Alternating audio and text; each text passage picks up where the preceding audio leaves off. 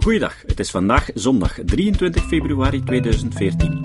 Ik ben Jozef van en dit is de 182e aflevering van deze podcast. Deze aflevering kwam tot stand mede dankzij Riek de Laat. De muziek is van Nick Lucassen en Emiel Dingemans, verzorgt de website en de Facebookpagina. Vandaag horen jullie een interview met Willem Bets. Na het interview met Herman Boel over zijn nieuwe boek, heb ik meerdere reacties gekregen van luisteraars om nog meer interviews uit te zenden. En als je het over de sceptische beweging hebt, dan kan je niet om Willem Bets heen.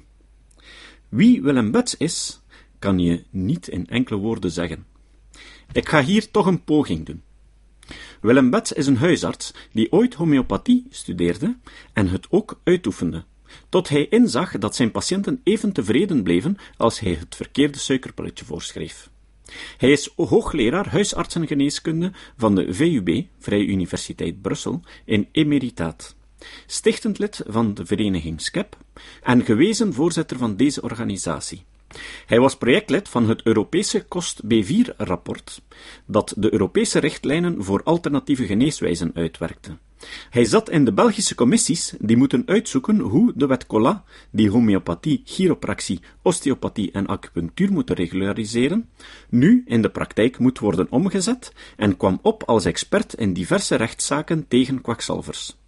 Hij is ook een mediafiguur die regelmatig in het journaal of in populair wetenschappelijke programma's komt uitleggen hoe het nu juist zit met deze of gene alternatieve behandeling.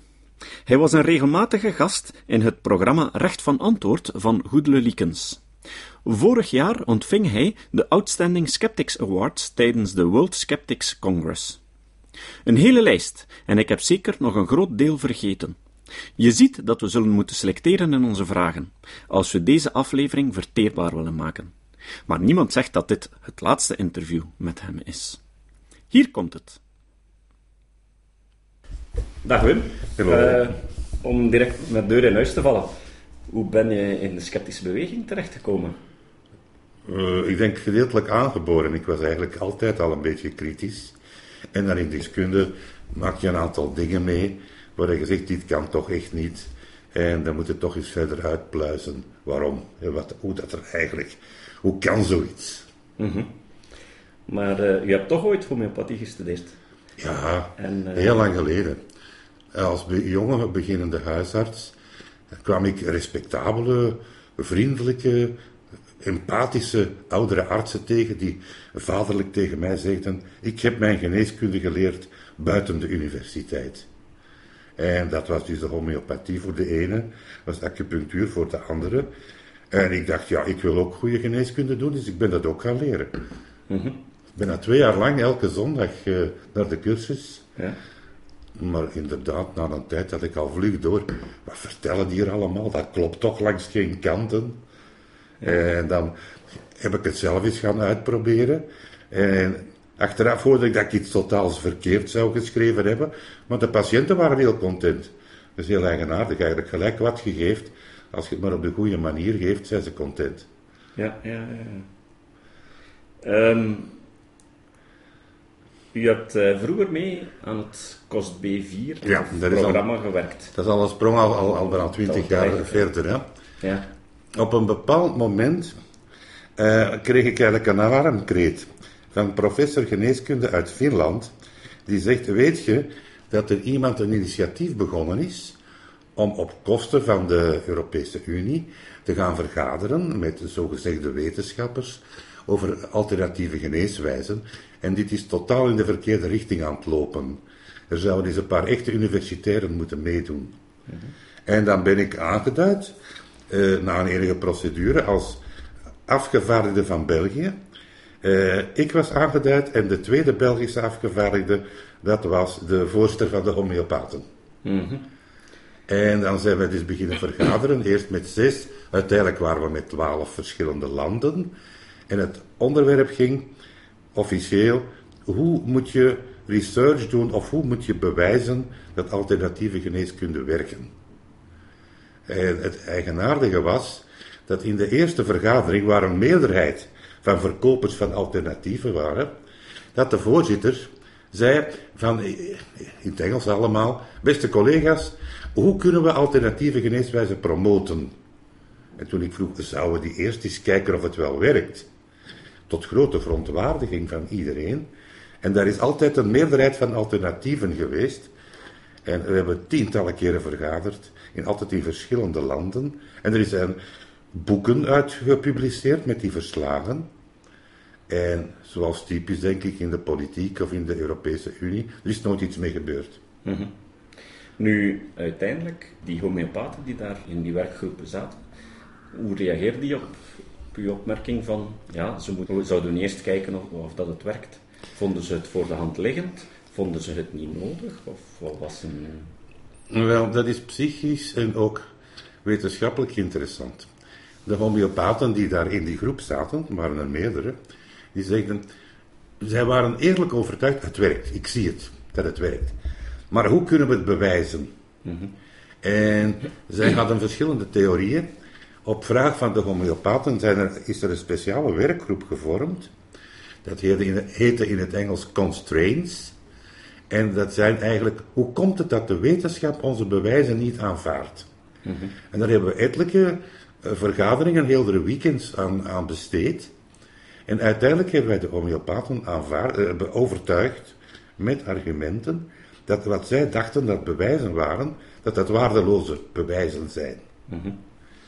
En dat is ook in een tekst die zij goedgekeurd hebben, uh, hoe ze het kunnen bewijzen. Mhm. Maar dan komt er iets heel eigenaardig waar ik een beetje boos over werd.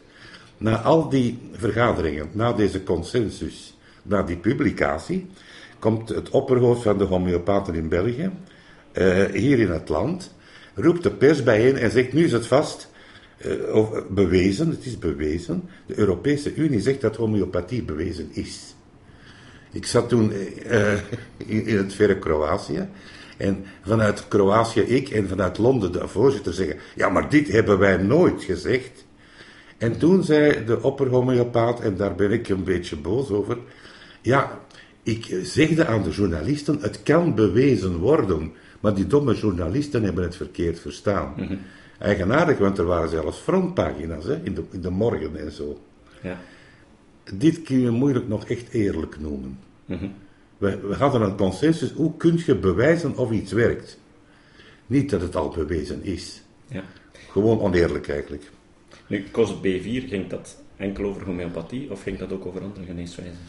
Dat ging over alle alternatieve geneeswijzen, maar in, in de praktijk waren het vooral homeopaten en acupuncturisten die aanwezig waren. Ja. En die spraken voor hun eigen winkel. Ja. Mhm. ja.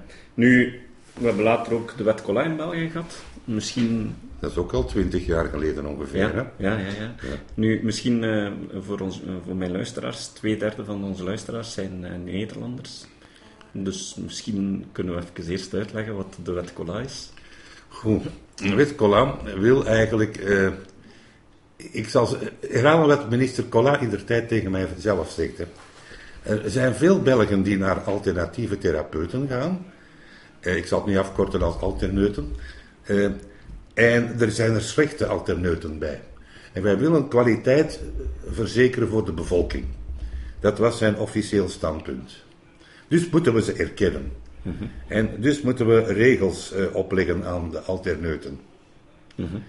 En in principe was dat niet zo slecht, want in, de, in die tijd was er een alternatief wetsvoorstel van een, een, een CD&V, dat was toen al CVP, uh, eh, afgevaardigde Broens, die eigenlijk zegt, laat ons alle genezers erkennen, registreren. Dat is niet hetzelfde als erkennen. Ja. Hm? Terwijl dat eigenlijk in de wet Cola is het een vorm van erkenning, niet alleen registratie. Ja. Uh, en dan die wet. Die, hebben, die wet heeft zich laten, niet laten gebruiken, bijna, hoe lang was het? Uh, tel even, hè, het was geloof ik in 99, of dus meer dan 10 jaar, 12 jaar, mhm. is er met die wet niks gebeurd. Verschillende groene ministers hebben geprobeerd er iets mee te doen en die zijn gestuurd. Het principe ik tracht het eenvoudig te houden, is. Collat had in zijn wet al vier systemen benoemd als alternatief. De officiële term is niet-conventionele praktijken, een NCP. Die vier had hij al benoemd, dus homeopathie, acupunctuur, osteopathie en chiropractie. En, maar anderen kunnen zich ook aanmelden.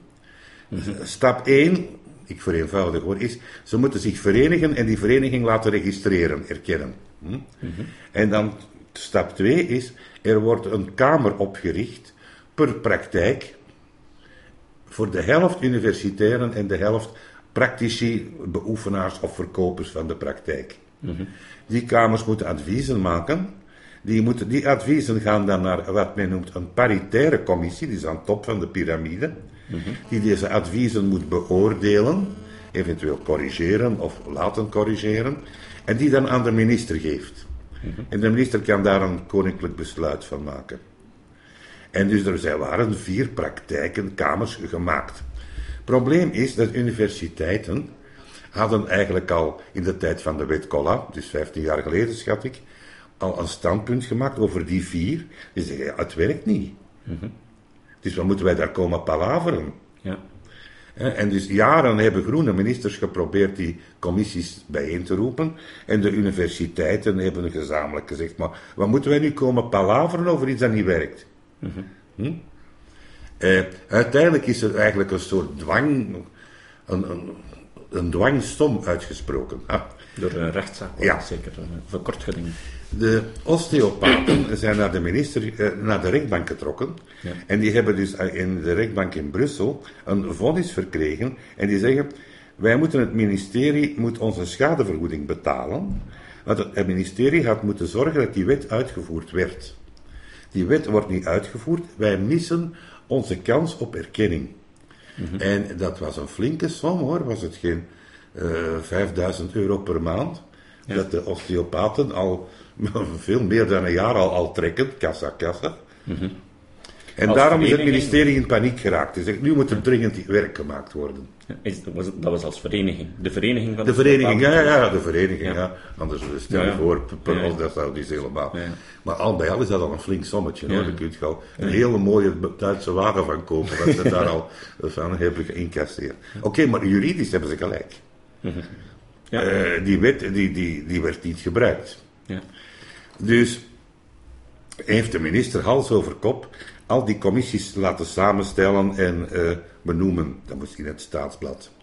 Ja, dan begon de heibel al, want de, de manier dat die commissies benoemd werd, uh, er werden sommige universitaire kandidaten werden gecensureerd. Mm Die werden voorgesteld door de universiteit en blijkbaar werden die eruit gehaald, misschien omdat ze anti waren, zeiden sommigen. onder andere uzelf. Onder andere mezelf.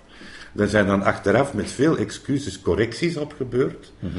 door de minister. Dus ik zit in meerdere van die commissies. En dan zijn we beginnen vergaderen.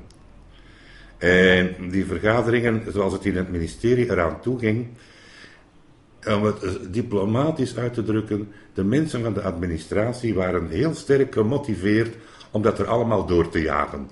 Mm dus uh, eigenlijk op een bepaald moment werd er gezegd: Mijn heren, we moeten hier, moeten hier niet discussiëren of het werkt. We moeten discussiëren hoeveel uren nascholing ze moeten hebben. En we moeten discussiëren hoe groot moet hun verzekering zijn. Ja. En eigenlijk hebben de ambtenaren zelf de wet uh, totaal genegeerd. Mm Want in de wet staat onder andere dat er eerst moet aangetoond worden dat het in het belang is van de volksgezondheid om dat te erkennen, dat systeem. Ja. Dat is nog voor geen enkel aangetoond. Mm Nu, hoe kunt je dat aantonen? Gewoon door aan te tonen dat het werkt. Dat, dat, het werkt. Ja. Gewoon aantonen dat het werkt. Maar dat was een taboe, dat heeft men dus maanden trachten tegen te houden. Enfin, de verontwaardiging bij de universitairen over de manier dat er met die vergaderingen gesjoemeld werd, dat de, dat de verslagen gemanipuleerd werden, uh, zijn zeer groot. En er zijn dus gemeenschappelijke verklaringen van alle Belgische universiteiten gezamenlijk geweest. We doen eigenlijk, ik vertaal in gewone taal, aan dat gekkenspel niet meer mee. Dit is mhm. gewoon te belachelijk zoals het hier gemanipuleerd wordt. Ja. Toch heeft de minister, mevrouw Onkelings, getracht om uh, via een koninklijk besluit, dat moet dus niet via het parlement, uh, onder andere de homeopathie te erkennen als een aparte geneeskundige specialiteit. En onlangs wou ze dus ook de osteopathie, maar dat is dus geblokkeerd. Eén door de Raad van State, die brandhout heeft gemaakt van haar uh, ontwerp van koninklijk besluit. Dus om allerlei wettelijke redenen. Zelfs gewoon aanfluiting van het gezond verstand van dit kan nu toch niet. Mhm. En nu zeer recent, twee weken geleden, dat is dus uh, begin februari, uh, is er in de ministerraad blijkbaar dan toch iemand, uh, vice-eerste minister De Croo, Alexander De Croo, die heeft dus het voorstel voor koninklijk besluit van over de osteopaten ook geblokkeerd. Mm -hmm. Dan zeggen, dit kan niet toch niet, dat je tegen de wil van alle universiteiten in en van de Koninklijke Academies, er zijn er twee, hè, van geneeskunde, eh, dat er toch wil doorjagen, hm. dit kan gewoonweg niet. Ja. Zeer eigenaardig. En eh, in het persbericht stond dat mevrouw de minister Onkelings heeft gezegd, als ze dat blijven tegenhouden, dan zal dit een verkiezingspropagandapunt worden voor de Partie Socialist, de erkenning van osteopaten. Pas op, erkenning dus als een soort huisartsen, hè? Ja. die zelf diagnoses mogen stellen, zelf radiografieën mogen voorschrijven en zelf moeten beslissen of dat je naar een dokter moet of niet, of dat ze het zelf alleen zullen doen. Ja. Dus het is niet gewoon dat ze osteopathie mogen uitvoeren, maar het is echt ja. dat ze... Omdat je nu zegt mogen uitvoeren, dat is dus het idiote van al die besprekingen over de wet Collat. Mhm. Volgens de Belgische wetten mag een arts, een dokter die geregistreerd is, vrijheid van therapie gebruiken. Ja. Dus als een arts wil acupunctuur gebruiken of osteopathie of wat ook, dat mag. Maar hij moet wel verantwoording kunnen afleggen. Ja. Maar nu willen zij dus die uh, mogelijkheid van de beslissing geven aan mensen die alleen maar een paar weekendcursussen gevolgd hebben. Ja. En dat klopt dus helemaal niet. Hè?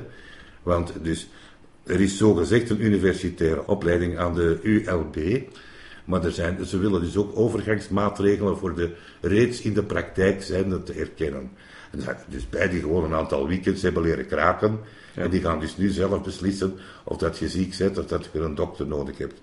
Dit lijkt me zeer gevaarlijk. Ja. Nu, ehm, op dit moment mag iedereen zich eigenlijk osteopaat of, of homeopaat of zo noemen. Ja, op dit moment, zoals de wet vandaag is, mag enkel een dokter diagnose stellen en een therapie voorschrijven. Ja. Uh, osteopaat is geen geregistreerde titel. Ja. Uh, dus u mag zich zo noemen, maar het heeft geen enkele betekenis. Ja. Hetzelfde voor chiropractor of acupuncturist, dat is geen erkende titel. Uh, ik zal zeggen, mijn poetsvrouw mag zich morgen acupuncturo-osteopaat noemen. Ja. volgens de Belgische wet, als zij patiënten onderzoekt en behandelt, doet zij onwettige uitoefening van de geneeskunde. Ja. Dries van Giel heeft daar straks aan tafel beslist dat hij osteopaat is. Wel, ja, ja, ja, ja osteopaat seksuoloog. Er zijn heel veel titels die men zich kan toe-eigenen in volgens de Belgische wet. U mag zich ook professor noemen, hè? Ja. Professor in het beoordelen van osteopaten, dat mag. Mm Dat is wettelijk in orde. Ja, ja. Maar dokter niet. En nee, ingenieur ook niet waarschijnlijk? Nee, zich uitgeven als arts. ja, en ingenieur is ook een beschermde titel, meen ik. Mhm. Dus dat is aan juristen moeten vragen. Ja. Maar iedereen, zegt, mag, iedereen mag zich therapeut noemen. Hè? Ja. Ja, ja. Nu, sowieso ook de beschermde titels worden misbruikt. Hè? Ja, maar kijk, als je dus echt een eh, wettelijk geregeld beroep hebt, zoals dokter, er lopen ook wel 1 of 2 procent rare vogels in rond. Maar dan kan een organisme dat de tucht en de kwaliteit moet bewaren, kan u ter verantwoording roepen. Maar nu, het probleem is dat dus uh, in die besprekingen van de wet Collat, dat dus die uh, osteopaten en die homeopaten vonden dat alleen een homeopaat kan oordelen of een homeopaat wel juist handelt. Mm -hmm. Idem voor de anderen. Ja. Er zijn voorbeelden van in andere landen, zoals in Duitsland. Ja, dat is dus kwakzalverij van voor tot achter. Hè? Want die vinden elkaar allemaal zeer goed. Gelijk wat je vertelt, hoe, hoe gelijk het ook in tegenspraak is. Zij uh, sluiten de rangen en zeggen: uh, uh, alle kwaks der wereld verenigt u. Ja. Ja, goed. Nu, wat is uw eigen, uw eigen houding? Moeten we ze totaal verbieden? Of denkt u dat we ze ergens een, een zekere positie moeten geven van oké, als je ook arts bent, als je opgeleid bent als arts en je beslist om homeopathie te doen, mag het? Of wat is uw, uw, uw persoonlijke houding daarin? Eén, artsen hebben vrijheid van therapie, ja. maar ze moeten zich kunnen verantwoorden. Ja. Ik vind dat iedereen die zich als genezer, tussen aanhalingstekens, wil aankondigen, dat hij dat zou mogen doen. Mhm. En ze moeten echt niet bewijzen dat het werkt, wetenschappelijk. Dus ook de handopleggers en de exorcisten en de, de voodoo door de kipzwaaiers, die mhm. mogen dus allemaal zeggen, ik ben genezer. Mhm. Maar ze moeten zich aanmelden en er zou een strikte gedragscode moeten opgesteld worden. Dat mocht je en dat mocht je niet. Dit zijn de grenzen. Ja. En ook straffen als ze die overschrijden. En ook straffen als iemand zich als genezer wil, uh, laten we zeggen, ja, geld wil verdienen, zonder geregistreerd te zijn. Iemand heeft eens een vergelijking gemaakt met tatoeëerders. Ja. Tatoeëerders moeten zich nu gaan registreren en moeten aan bepaalde kwaliteit voldoen. Dat wil dus niet zeggen dat de staat zegt, oh, dat is een heel goede tatoeëerder. Ja, ja. Zeg maar, u mag tattoo zetten, maar wij kijken erop toe dat het een beetje binnen de normen van de veiligheid gebeurt. En dan zijn we ineens van heel dat probleem en dat gejammer over al of niet bewezen van homeopathie en acupunctuur van af. Mm Wilt je acupuncteur zijn? Oké, een gedragscode. En ik zou zeggen als regel nummer één, begin nooit iemand te behandelen die toch niet door een normaal werkende arts is eerst nagekeken. Ja. Of dat er niks ernstigs aan de hand is. Ja. En als die zegt, ja oké, geen bezwaar, doe maar op. Ja. Mhm. Ik zat nog eh, een vraag die mij heel dikwijls uh, in mijn hoofd speelt. En ik heb daar dus geen antwoord op. En ik stel mij de vraag of dat u daar uh, een idee over hebt.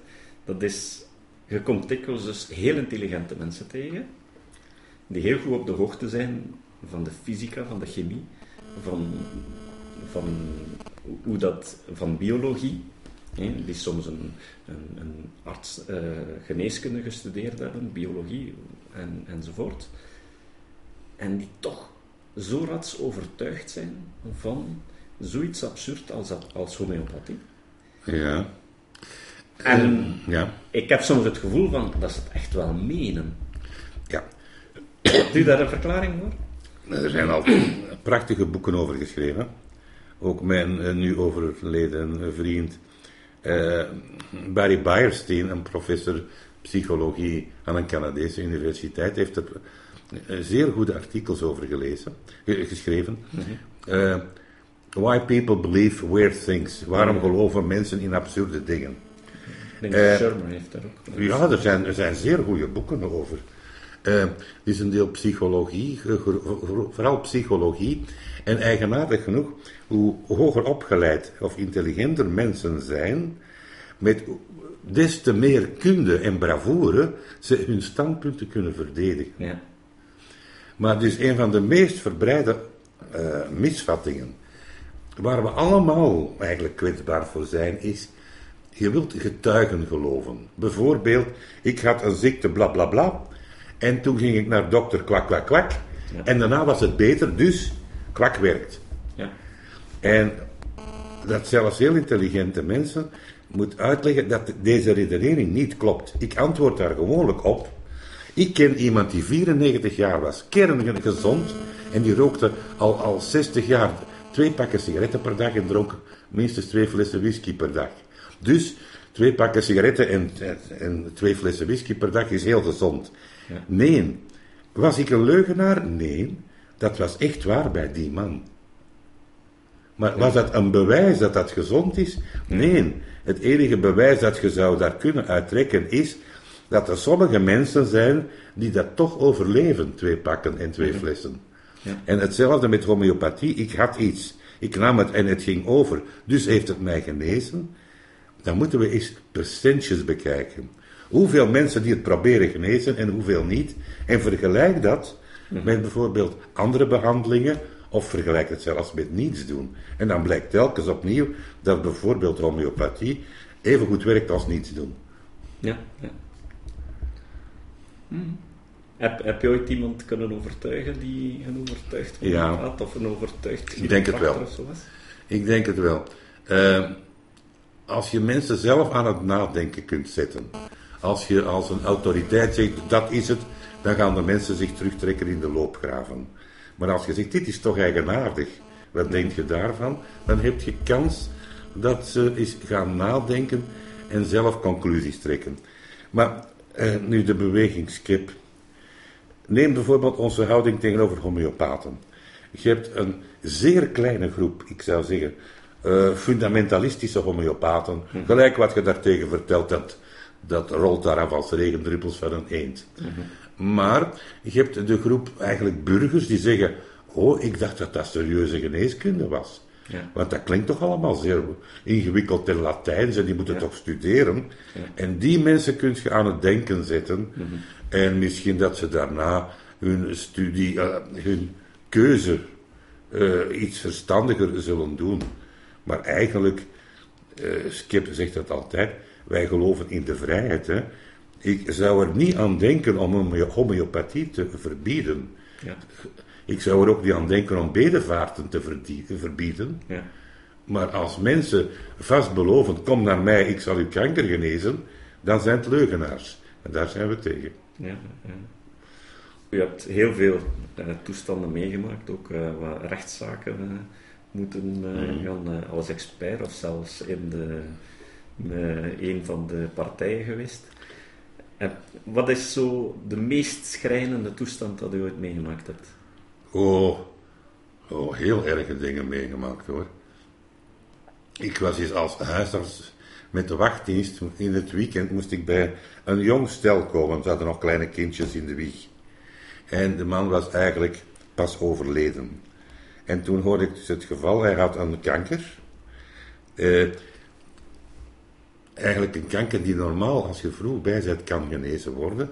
Maar hij had dat dus natuurlijk laten behandelen door een antroposoof. Ja. Dat is een soort, ik zal maar zeggen, vergelijkbaar met homeopaten. Mm En die had dus allemaal nepmiddeltjes gegeven en die, die vrouw die was wenend. Haar man had echt gecrepeerd in zijn laatste weken. Mm omdat hij dus geen normale medicijnen kreeg. En de antroposofische dokter, die was daar des morgens nog geweest.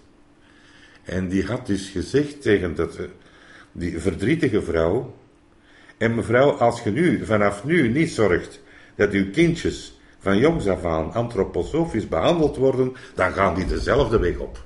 Mm Dus die, die bandiet, die wou eigenlijk een vaste klant al maken van die kleine kinderen, zo gezegd met de belofte of de dreiging, als je dat niet doet, dan gaat je ook zo verschrikkelijk kankereinde hebben zoals die jonge vader.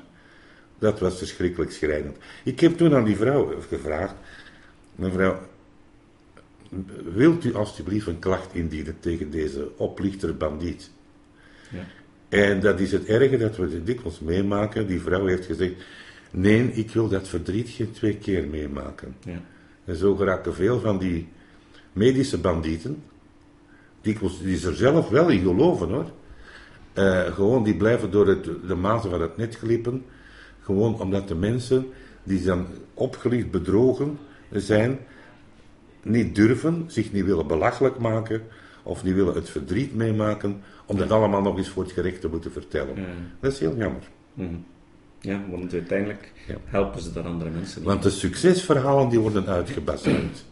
Maar de verschrikkelijk triestige verhalen, zoals bijvoorbeeld die Nederlandse actrice Millekam, die dus had geweigerd om haar beginnende borstkanker te laten behandelen. En in de handen is gewezen, gegaan van een aantal alterneuten, die op een ongelooflijk dramatische, triestige wijze is gecrepeerd. Eh, in vreselijke pijnen en zo verder. Terwijl zij 70, 80 procent had gehad om totaal genezen te zijn met normale behandelingen. Dan hoort je soms van die vreselijke verhalen. Maar heel veel, dus er wordt uit schaamte en uit verdriet wordt er over gezwegen. Ja, ja. Maar de successen, die worden uitgebazuind. Van, oh, ik heb, een, ik heb, iemand heeft mij goed geholpen, je moet daar ook eens naartoe. Mhm. Een laatste vraagje. Um, de podcast Kritisch Denken is, wordt voor een groot deel beluisterd door, door mensen die al een zekere scepticisme hebben. Ah ja. En mhm. als ze dat nog niet hebben, dan krijgen ze dat af door er naar te luisteren. Maar ehm, er zitten ook veel jonge mensen in. dat is mij opgevallen als ik contact krijg met de mensen, want meestal weet ik niet wie dat er altijd naar luistert. En uh, ik stelde mij de vraag: hebt u een, een mooie boodschap van wat dat ze zouden moeten doen om onze beweging, om onze ideeën verder uit te spreiden, om de wereld wat uh, sceptischer te maken? Ja, het is nuttig om u te informeren als je belangrijke beslissingen moet nemen in uw leven. Mhm. Gaat het nu over gezondheid of over uw financiën bijvoorbeeld? Laat u goed informeren. En als het over gezondheid gaat, dan zou ik zeggen. Eh, ga eens op internet en kijk eens wat de sceptici te zeggen hebben over de wonderen die beloofd worden. Mhm. Eh, het is zeer goed kritisch te zijn tegenover de klassieke geneeskunde. Maar wees alsjeblieft ook kritisch tegenover degenen die zich alternatief noemen. Want dat is eigenlijk zeer opvallend. Dat eh, sympathieke mensen, die heel kritisch zijn tegenover wat de farmaceutische industrie en de hospitalen allemaal eh, doen, dat van het moment dat je het woord alternatief vernoemt, dan zetten ze hun verstand op nul en ze slikken alles. Ja. En dit is eigenlijk bijna onbegrijpelijk. Mm Ja. Goed. Uh, nog om af te sluiten. Daar straks hoorde van Paul de Belder dat er de laatste zaterdag van april wordt er ter ere van u een bijeenkomst georganiseerd. Kunt u daar iets meer over zeggen? Uh, ik weet, officieel weet ik niet veel. misschien begin ik zo oud te worden dat ze denken, die gaat niet lang niet meer rondlopen. maar ik, ik heb een, een, jaar geleden de prijs van de Nederlandse sceptici gekregen en vorig jaar ook de Europese eh, prijs gekregen, eh, eigenlijk de wereldprijs eh, van de World Skeptics Organization. als we u beginnen vieren, dan moet je eigenlijk beginnen ongerust worden. Zie ik er echt zo slecht uit? Goed. Dank u wel voor deze... Graag gedaan. Gesprek. Het citaat. Het citaat van vandaag komt van Franklin Roosevelt. Roosevelt was de 32e president van de Verenigde Staten, democraat en president tijdens de Grote Depressie en het begin van de Tweede Wereldoorlog. Hij besloot om met grote overheidssteun de economische crisis uit het slop te halen, de zogenaamde New Deal. Roosevelt zei: Het land heeft nood aan, en tenzij ik zijn stemming foutief inschat, het land eist, stoutmoedig, aanhoudend experimenteren. Tot de volgende keer. Dit was de podcast Kritisch Denken. Vergeet niet om alles kritisch te behandelen, ook deze podcast. Voor verdere informatie over deze podcast, links en voor de tekst, surf naar www.kritischdenken.info. Als je deze podcast belangrijk vindt, kun je me steunen door anderen warm te maken ook eens te luisteren. Stuur een e-mail naar vrienden met een link naar de website en plaats de link in de handtekening van je e-mails. Tevens kun je op iTunes deze podcast een beoordeling geven of een recensie schrijven. Of je kan op je eigen website of blog een link naar kritisch denken plaatsen.